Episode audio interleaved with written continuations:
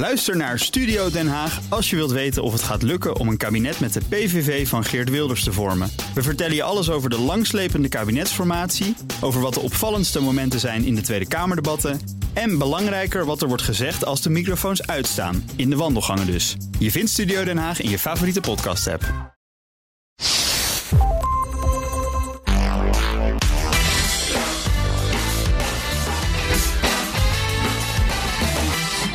Hallo, je luistert naar de tweede editie van Ben's Boekenclub, een speciale aflevering van de Ben Tichelaar podcast. Eén keer per maand bespreek ik met een panel een internationale bestseller over management, productiviteit of persoonlijke ontwikkeling. We halen de belangrijkste lessen eruit en kijken hoe je ze kunt toepassen in de praktijk. En het boek dat we vandaag bespreken is Dare to Lead, Durf te leiden van Brené Brown. En dat doe ik met mijn panel van vandaag, Maurice Seleki. Hij is communicatiestrateeg, auteur en moderator en nu werkzaam als hoofd communicatie en marketing in het Amsterdam Museum. Maurice, welkom. Dankjewel, Ben. En naast hem staat Lisbeth Tettero. Zij is trainer en coach bestuurders en ambitieuze vrouwen. Vooral ook in het openbaar bestuur. Lisbeth, welkom. Dankjewel, Ben. Voor we van start gaan, heel kort even waar het boek over gaat. De ondertitel van het boek is De kracht van kwetsbaarheid voor moedige leiders. En Brene Brown legt hier bij het CBS-programma This Morning uit wat zij precies bedoelt met kwetsbaarheid. Vulnerability is not disclosure. So let's like that's the big mythology, right? It's not like I know a lot of leaders who show up and just ah, everything. that has nothing to do with courage or vulnerability. vulnerability is can you manage uncertainty and risk and emotional exposure? Can you stay in the hard conversation? Can you tell the truth? Can you give feedback when it's hard? Can you ask for feedback when it's hard? Vulnerability is I believe, and it's probably 60% of the book, the only path to courage. And it is the birthplace of innovation, creativity, trust, empathy. Ja, dat was uh, Brene Brown bij het CBS-programma This Morning. En ze zegt dus eigenlijk: kwetsbaarheid is niet alles maar delen met iedereen, alles maar eruit gooien. Dat is wat heel veel mensen denken, maar dat is het dus niet. Kwetsbaarheid, dat is het gevoel dat je krijgt op momenten van onzekerheid, risico en emotionele blootstelling. Momenten waarop mensen bijvoorbeeld aan je merken dat je iets moeilijk of heel belangrijk vindt, juist. Kwetsbaarheid is volgens Brene Brown het wezenskenmerk van moed. De moed die bijvoorbeeld nodig is voor het aangaan van moeilijke gesprekken of het vragen om kritische feedback. Brene Brown is onderzoekshoogleraar maatschappelijk werk aan de Universiteit van Houston in Texas. Ze is de laatste tien jaar razend populair geworden, ook onder managers. De TED-talk die ze gaf over de kracht van kwetsbaarheid is al meer dan 52 miljoen keer bekeken. Alle reden dus om je eens te verdiepen in haar ideeën. Nou, Maurice en Lisbeth, ik ben heel benieuwd naar jullie mening. Een heel groot deel van het boek Dare to Lead gaat over de worsteling van leiders met kwetsbaarheid. De worsteling die je kunt hebben, de, de knokpartij eigenlijk bijna zou je kunnen zeggen, die we hebben met het onderwerp kwetsbaarheid. Laten we daar eerst maar eens even over hebben. Ze heeft er allerlei voorbeelden bij ook en allerlei inzichten. Maurice, wat was nou iets in het boek, een voorbeeld misschien wel dat bij jou erg tot de verbeelding sprak, als het gaat over dat worstelen met die kwetsbaarheid? Ja, nou, er worden heel veel voorbeelden genoemd, hè, want uh, René Brown heeft uh, met 150 uh, leiders gesproken over de hele wereld uit allerlei verschillende industrieën. En daarmee illustreert ze dus eigenlijk uh, haar, uh, haar, methodiek. Hè. Ze is natuurlijk ook uh, wetenschapper. Ergens noemt ze zichzelf ook storyteller en, en researcher. Ook wel heel interessant, want ze ziet eigenlijk die verhalen die ze vertelt als data met een, met een ziel. Want alles is dus gebaseerd op die wetenschap. En als we dan even ja, teruggaan op die, die kwetsbaarheid, wat ze daar eigenlijk bij probeert uit te drukken naar mijn idee, is dus dat het een soort van basisvoorwaarde is om om, om een uh, moedige leider te zijn. Maar dat, dat het nog een heel groot verschil is of je je, je openstelt en alles deelt met zomaar iedereen. Ehm, of, dat dat, of dat dat op een andere manier gebeurt. Ja. Dus die, ja, dat echt definiëren van wat kwetsbaar is, dat, dat probeert ze in ieder geval hier goed te doen. En ik denk ook dat dat bij iedere leider of iedere manager ook iets is wat, waar je je eigen grenzen eigenlijk ook in moet, moet moet, vinden. Want herken je dat ook in je eigen werk? Ja, zeker. Nou ja, goed. De, ik heb uh, een aantal teams uh, geleid nu uh, in, mijn, in mijn loopbaan. En die teams die bestonden met name uit, uit millennials. Dus ja, twintigers en, en dertigers. over het algemeen hoog opgeleid in de creatieve industrie. En wat je daar ziet is dat veel millennials heel erg op zoek zijn naar ja, een, een, een omgeving waar ze ook met purpose aan de slag kunnen gaan. Ja. Maar waarin ze ook de behoefte hebben om te spreken over nou, soms ook persoonlijke dingen. En wat wij bijvoorbeeld in ons team doen, dat, dat doe ik eigenlijk nu al drie teams achter elkaar, is bijvoorbeeld dat we iedere team meet beginnen met het zogenaamde inchecken. En het inchecken, dat is eigenlijk een soort van uh, methodiek die ook wel algemeen bekend is, waarin we dus met elkaar delen hoe we uh, aan de week of aan, uh, aan een meeting beginnen. Wat, wat, zeggen mensen dan bijvoorbeeld? Wat, kan, dat ik even een beeld erbij heb. Ja, nou, ik heb uh, het, het, wat ik zo al heb meegemaakt in die afgelopen jaren is dat mensen dus bijvoorbeeld vertellen dat er een familielid is overleden, okay. dat een relatie is uitgegaan. Maar ja. aan de andere kant zijn er ook heel veel gevallen waarin mensen juist leuke dingen te vertellen hebben en leuke dingen hebben meegemaakt en dat dan ook weer delen. Maar als je dit dus heel vaak doet, dan leer je elkaar dus ook steeds beter kennen en dan ja. ontstaat er op een bepaald punt ook een soort van vertrouwen. Uh, op basis van al die gedeelde uh, ervaringen. Um, je kan het ook uh, de, de, de, de weekend trips noemen. Waardoor mensen ja, elkaar ook echt beter leren kennen. Buiten de context van het echte werk om. Nou, en je geeft ook ruimte natuurlijk voor mensen om, om inderdaad zich te uiten. Om, om dingen te noemen. als, ik kan me voorstellen dat één persoon op een gegeven moment iets noemt wat best wel, nou ja, uh, gevoelig ligt of emotioneel is, dat het ook ruimte geeft voor anderen om dan misschien ook maar met hun eigen verhaal te komen. Precies, en daar moet je dus ook als leider, als manager, weet je wel, is het dus ook aan jou, want uh, zeker bij zo'n incheck, als jij dus, jij kan de toon zetten. Dus als jij het zelf oppervlakkig houdt, dan, dan blijft het oppervlakkig. Dan blijft het oppervlakkig. Ja, ja. En als je zelf net op uh, de diepte dus in durft te gaan ook, dan kan het ook dieper worden um, vanuit je team. En dan krijg je dus een heel andere teamrelatie. Zeg, Lisbeth, ja. ik ga eens even naar jou. Welk voorbeeld uit dit, ja, dit deel van het boek, het eerste deel over dat worstelen met kwetsbaarheid, hè, wat dus zo belangrijk is mm -hmm. voor leiding geven. Wat sprak jou aan? Ik heb zelf heel erg moeten lachen om haar voorbeeld dat ze naar een conferentie ging met allemaal C-level mensen. C-level oh ja, people. C-level, ja. Ik ja. kom zelf uit het openbaar bestuur, dus dat is ook niet echt mijn jargon. Uh, zij dacht uh, zeeniveau, gewoon lekker ge geaarde en geronde mensen. Daar mensen kan met ik mijn zeebenen. verhaal, ja, mensen met zeebenen. Daar ja. kan ik mijn verhaal goed aan kwijt. Ja. En toen kwam zij er dus achter dat dat allemaal CEO's, CFO's en al dat soort C's waren. Nou, dat de paniek ertoe sloeg. En dacht van, ik moet een nieuw jargon leren. Ik moet nieuwe termen gebruiken. Want hè, het is die hele omschakeling maken naar help. Nou, Ja. gelukkig zei haar man toen, toen die belde van doe dat alsjeblieft niet, hou je verhaal. En, en ze had ook wel weer contacten en mensen in de zaal waar ze zag, oh dat zijn ook gewoon mensen. Ja. Hè, wat Maurice net ook zei, het is de factor mens. We doen net of het geen mensen zijn, of we met z'n allen geen mens zijn. En mensen hebben gevoelens, mensen maken dingen mee. Dat heeft invloed. Ja, je zou kunnen zeggen, zij is echt eh, heel goed in het, eh, noem het maar, het terugbrengen van de menselijkheid ook. Zeg maar in, in alles wat met eh, managen en met ondernemen en, en samenwerken te maken heeft. Absoluut, ja. Speelt het in het openbaar bestuur ook in hoge mate? Dat is waar jij veel tijd doorbrengt. Ja. Ja, is, het, is het daar anders dan in het bedrijfsleven? Kun je er iets over zeggen? Nou, weet je, ik, ik ben daar natuurlijk niet bij, maar ik kan me niet voorstellen dat een kabinetsvergadering niet begint met een soort van check-in. Hoe zit iedereen erbij? Ja. Ehm, of een katshuisoverleg. Want het zijn ook mensen, dus die moeten ook een soort. Ja, die moeten toch ook samenwerken. Maar in de politiek en in het openbaar bestuur is het wel best link om je nek uit te steken. En dan Ja. te zeggen, ik ben kwetsbaar. Hè, ik weet het even niet, ik zoek het op. Want voor het weten word je gespind en geframed. Hè, zoals dat Ja. tegenwoordig heet. Hè, u, bent, u draait en u bent niet eerlijk. En hoe, hoe is dat? Is dat zeg maar voor de camera's en achter de camera's? Of, dat maakt toch wel verschil, denk ik Oh, dan? dat denk ik wel. Dat Ja. denk ik wel. Ja, natuurlijk. Want alles in, in, onder het vergrootglas van de camera. Daar- dan daar moet je het gewoon in één keer weten. En dan is kwetsbaarheid tonen, nou ja, ehm, iets wat mensen in ieder geval vaak vermijden, laat ik het zo zeggen. Ja, aan de andere kant, als je naar de afgelopen verkiezingscampagne kijkt, die kwetsbaarheid, dat vind ik echt heel erg fijn hieraan. Is dus niet alleen maar laten zien van ik weet het niet en ik voel me hier klein en ik voel me hier onzeker. Ja. Het is ook hier is mijn grens, tot hier en niet verder. En dat hebben we toch echt wel een paar keer meegemaakt. En het heeft ook aan eh, het succes van Sigrid Kaag bijgedragen. Ja. Dat zij ook met enige regelmaat heeft gezegd: Ho, dit gaat me te ver. Wat ik zelf ook wel mooi vond in dat eerste gedeelte, dat ging inderdaad ook over de relatie tussen vertrouwen en eh, kwetsbaarheid.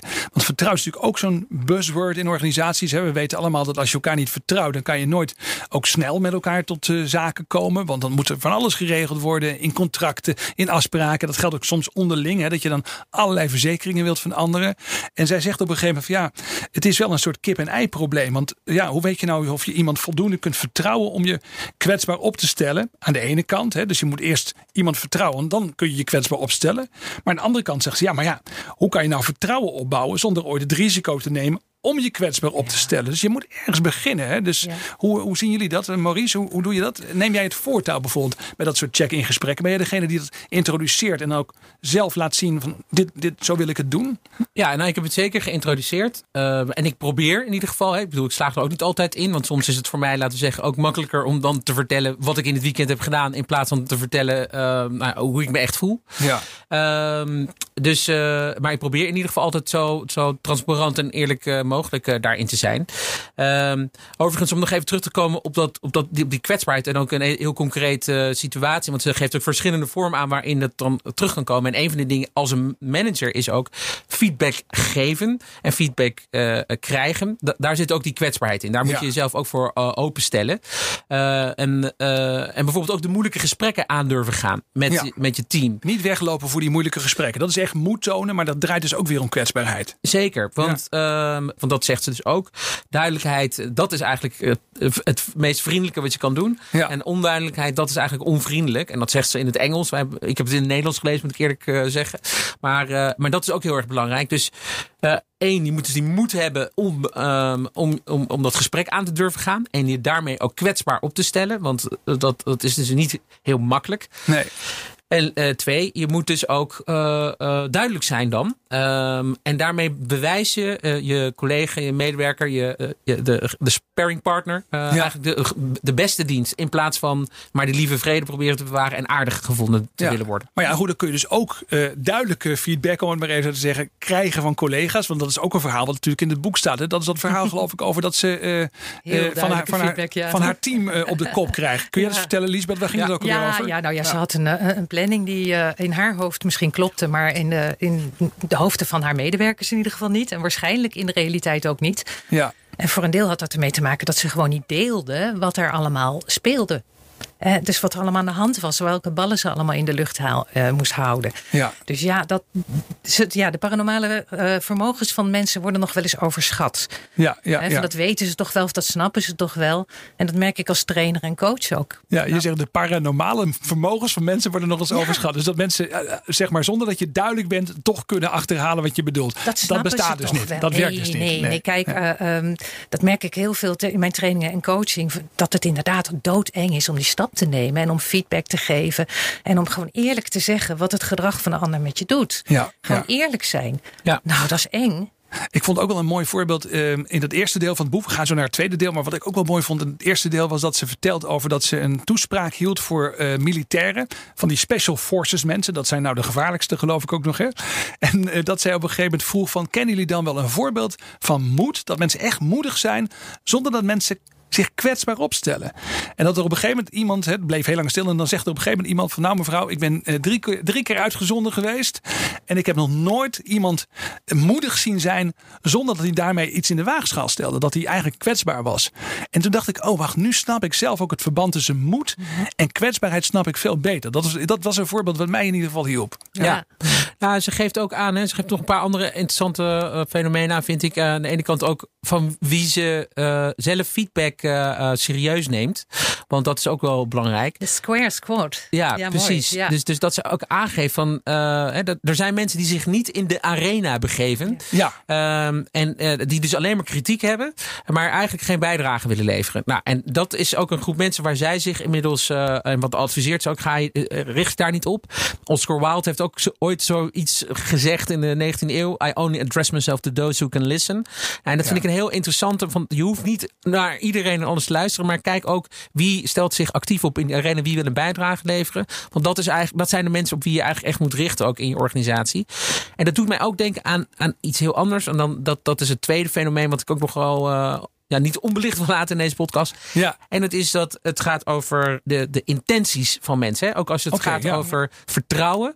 dan, dan moet je eigenlijk ook natuurlijk nadenken over van hoe gaat iemand eh, eh, het gesprek met jou aan? Is dat vanuit goede intentie of is dat niet vanuit goede intentie? En zij adviseert eigenlijk, ga altijd uit of van een goede intentie. Twijfel daar niet aan. Uh, generositeit. Uh, omdat dat, uh, weet je, daar, daar, heb je uiteindelijk het meeste aan. En dat doet me dus denken aan leider. En dan, dan geef ik het balletje over aan Lisbeth. En dat is Joe Biden. Want ja. ik herinner me dat Joe Biden ook in de verkiezingscampagnes voor de Amerikaanse verkiezingen. Dat hij ook de hele tijd zegt: ja, never judge a man's intention. Weet je wel, dus je kan het oneens zijn op, op, over ideeën. Maar ik ga niet aan jouw intentie of je het goede wil in twijfel trekken. Nou, en ik vind dat een hele sterke eigenschap van een leider dus. In het openbaar bestuur. Uh, dus uh, Lisbeth, uh, wat vind jij ervan? Ja, Lisbeth, ik ga nog even naar je terug. Je had het ook over de, de Square Squad. Ja, hè? Wat zij, hoe noemt ze dat ook weer in haar Nederlandse vertaling? Vierkante, nou ja, het vierkante team. Ja, het vierkante, vierkante, team. Dat briefje. Kun je even kort vertellen hoe dat zit? Ja, nou ja, neem zo'n post-it. Schrijf daar de namen op van de mensen die, van wie jij feedback wilt en vertrouwt. En hou het daarbij. Ja, dus volgens mij, ik stond in het boek, ik heb nog even nagezocht, was het nog kleiner dan een post-it. Het is een soort kwart post-it, 2,5 bij 2,5 centimeter. Klein, ja. Daar moet het op passen. Ja, ja. en, de, en, maar dat, ik vind het ook wel mooi, want het is zoiets zo kwetsbaar. Iedereen moet maar iets van je kunnen vinden. Ja. Uh, nee. Ja, iedereen vindt wel wat, dat gebeurt toch. Maar wat, van wie neem je het serieus? He, met wie heb je een, een vertrouwensrelatie? Is die weer vertrouwen? Ja. Dat je er feedback net zo goed durft te geven, dare to give, als dat je durft te ontvangen. En dat, je, dat dat ook best pittig mag zijn. Wat ik heel leuk vind, het is een soort stoere vorm dus van kwetsbaarheid, hè, waar we over praten. Een soort stoere kwetsbaarheid. Je steekt je nek uit. Ja, je steekt je nek uit, je moet moedig zijn. Uh, het is niet maar alles maar eruit gooien, maar het is ook best wel heel erg nadenken over, ja, dit is ook echt nodig om een goede leider te kunnen zijn. En je trekt je ook niet van iedereen maar wat aan. Dus ik vond dat wel, ja, ik vond het, moet eerlijk zeggen, ik heb een hoop geleerd wel van het eerste deel. We moeten naar het tweede deel. Eventjes tussendoor, je luistert naar de Ben Tichelaar podcast. En dit is de tweede editie van uh, de Boekenclub. En daarin bespreken we het boek Durf te Leiden, Dare to Lead van Brene Brown. En ik praat hierover met Maurice Selecki en Lisbeth Tettero. Uh, Brown die noemt naast worstelen met kwetsbaarheid nog drie belangrijke skills voor moedige leiders. En dat is uh, leven volgens je waarden, vertrouwen opbouwen en na een val weer kunnen opstaan. Maurice, ik schrijf naar jou. Drie vaardigheden dus die ook aansluiten bij dat uh, ja, je kwetsbaar durven tonen. Waarde, vertrouwen, na een val weer opstaan.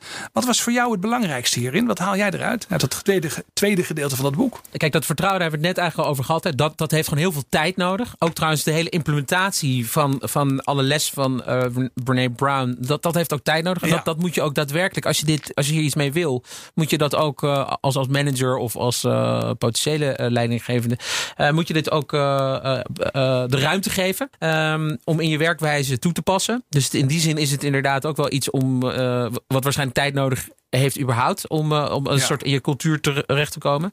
En in je eigen gedrag geïmplementeerd te geïnternaliseerd te zijn. En en dan kom ik eigenlijk bij wat ik zelf interessant vind. En dat is die enorme lijst met waarden. Ja. Uh, kernwaarden. Ja. Kies maar eens, hè? Ja, waar zij dan eigenlijk van zegt van ja, de, uh, de, de meeste leiders die, die kunnen maar vanuit twee waarden opereren. Uh, nou, dit, staat ook in. Ja, hele... je moet eigenlijk maar twee waarden kiezen ook, hè? Nou, dus, ja, precies. Ja, ja, ja. ja want anders. Dus, als het, als het meer wordt, dan kan je dat eigenlijk niet als leider vanuit die waarden opereren. Dat is wat ze dan eigenlijk bedoelt, toch? Ja, en Klopt. plus dat ze zegt dat de andere waarden ondergeschikt zijn aan die twee die bij jou er bovenuit steken. Oké, okay, ja. Dat zijn eigenlijk de, de paraplu's, zou ik bijna zeggen, van alle waardes. Maar goed, ze hele bladzijde inderdaad met allemaal waarden die ze dan noemt. Variëren van integriteit en uh, kalmte en vertrouwen en uh, visie en nou ja, noem maar op. Nee, en dat is dan interessant, hè, want ze, ze uh, heeft dit, dit, deze, ze heeft ook een analogie met Jim Collins, ook weer een andere denker. En die heeft dan gezegd, als je meer dan drie prioriteiten hebt, dan heb je eigenlijk geen prioriteiten. Ja, ja. Dus, dus op die manier probeert ze ook dat, die, dat aantal omlaag te krijgen. Nou ja, en als we daar dan even als we inzoomen op de, de waarden, waar je er dus dan eigenlijk maar twee van kan hebben, dan is het natuurlijk heel erg belangrijk um, om als leider vast te stellen wat zijn de waarden dan voor jou? Um, en, uh, en, waar komen, komen die vandaan? En, um, en dat kunnen die ook nog veranderen door, door voortschrijdend inzicht in de, loop ja, van de tijd. Ja, ja. Ik ga even naar Liesbeth, het tweede gedeelte van het boek, hè, waarbij je dus inderdaad over waarden en vertrouwen gaat en weer opstaan als je bent gevallen. Ja. Uh, wat, wat haalde jij eruit wat je echt belangrijk vindt? Nou, volgens mij is het allerbelangrijkste voor mij. Um, wat vertel, welk verhaal vertel je jezelf? Oké. Okay. Wij zijn als, gewoon als Homo sapiens heel erg goed in het geloven van de verhalen die we onszelf vertellen. He, daar ben ik gewoon ook heel menselijk in. En mijn, mijn uh, coaches en mijn trainees ook. Dus uh, ja. dat is super. Wat zeg je tegen jezelf? En hoeveel waarde hecht je daaraan? En klopt het? Ja, Klopt ja. je verhaal wel? Of is het je eigen scenario? Ehm, hè, heb je al een compleet script liggen terwijl dat eigenlijk nergens op gebaseerd is? Ja. ja, dat gaat ook geloof ik, is dat niet dat verhaal in het boek over dat broodje ham? Het broodje ham, Het broodje ja. ham, dat is zo'n groot, echt zo'n Brene Brown verhaal. Dat haar man komt thuis en eh, zij is dan enorm aan het werk met iets geloof ik. En dan komt haar man thuis, die staat dan bij de koelkast en zegt, zegt verdorie, we hebben niet eens ham in huis. Zoiets zegt hij dan. En dan maakt zij in haar hoofd een heel verhaal van. Zo van, oh hij vindt vast dat ik eh, de boel verwaarloos. Hij vindt vast dit, hij vindt vast dat. En daar blijkt dan helemaal niks van te kloppen. Nee, sterker nog, zij heeft nog nooit de boodschappen gedaan. Dat doet hij altijd. Ja, Dus precies. Dus op geen, geen enkel kon, opzicht een hij kon het haar niet eens verwijten. Nee, precies. Nee, nee. Nee, maar het is zo. eh, ehm, ja, onze, onze geest gaat ermee vandoor. Ja. Hè? En dan heb je het helemaal straks dit. En sta- het woordje straks. En wat Dat is dan de oplossing? Wat moet je dan doen? Nou, eh, straks is wat ik nu denk allemaal niet waar. Die gedachte er eens tegenover zetten. Dat, Ja, dat wil nog wel eens helpend zijn. Of het ja. gewoon bespreken misschien met iemand. Dat je zegt, nou, ik denk nu dit, maar dat, is- Ja. daar klopt vast niks van. Kijk, dat is ook weer zo mooi Engels gezegd. Hè? Assumptions are the mothers of all fuck-ups. Ja, precies. Eh, checken, checken, checken.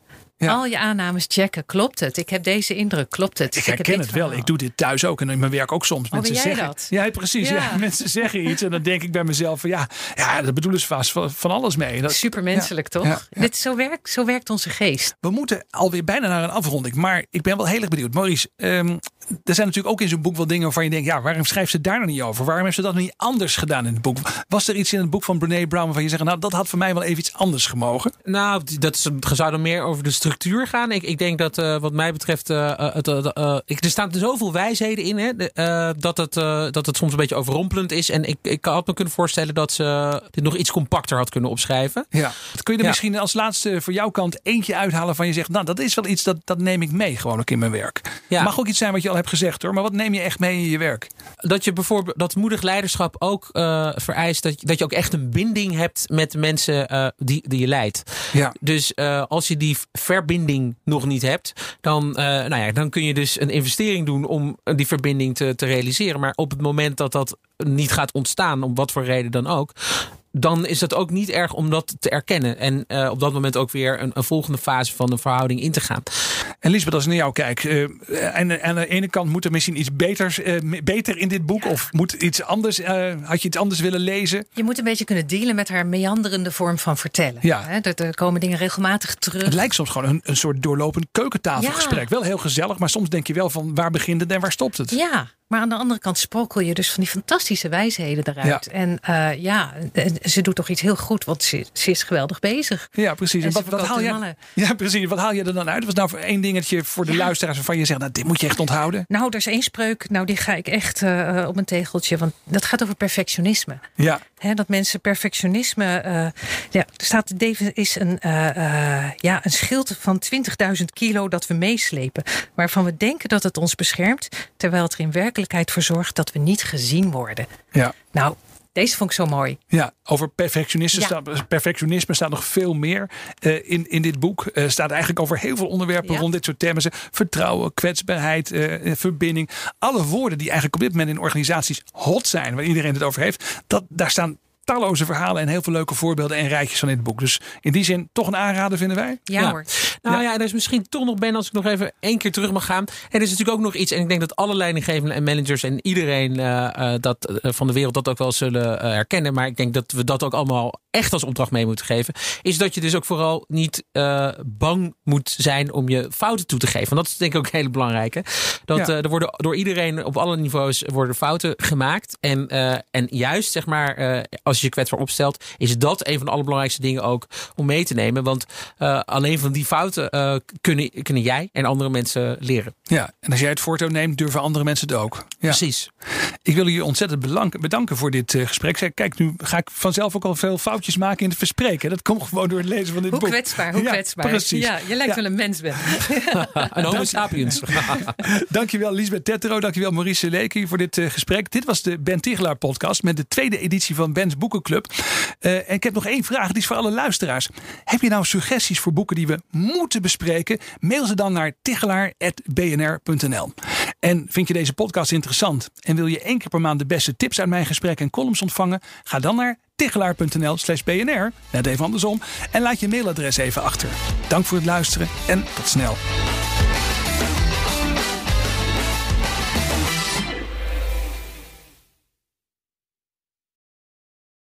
Ook Thomas van Zeil vind je in de BNR-app. Je kunt live naar mij luisteren in Zaken doen, de BNR-app met breaking news, het laatste zakelijke nieuws en je vindt er alle BNR-podcasts, bijvoorbeeld Het Nieuwe Geld. Download nu de gratis BNR-app en blijf scherp.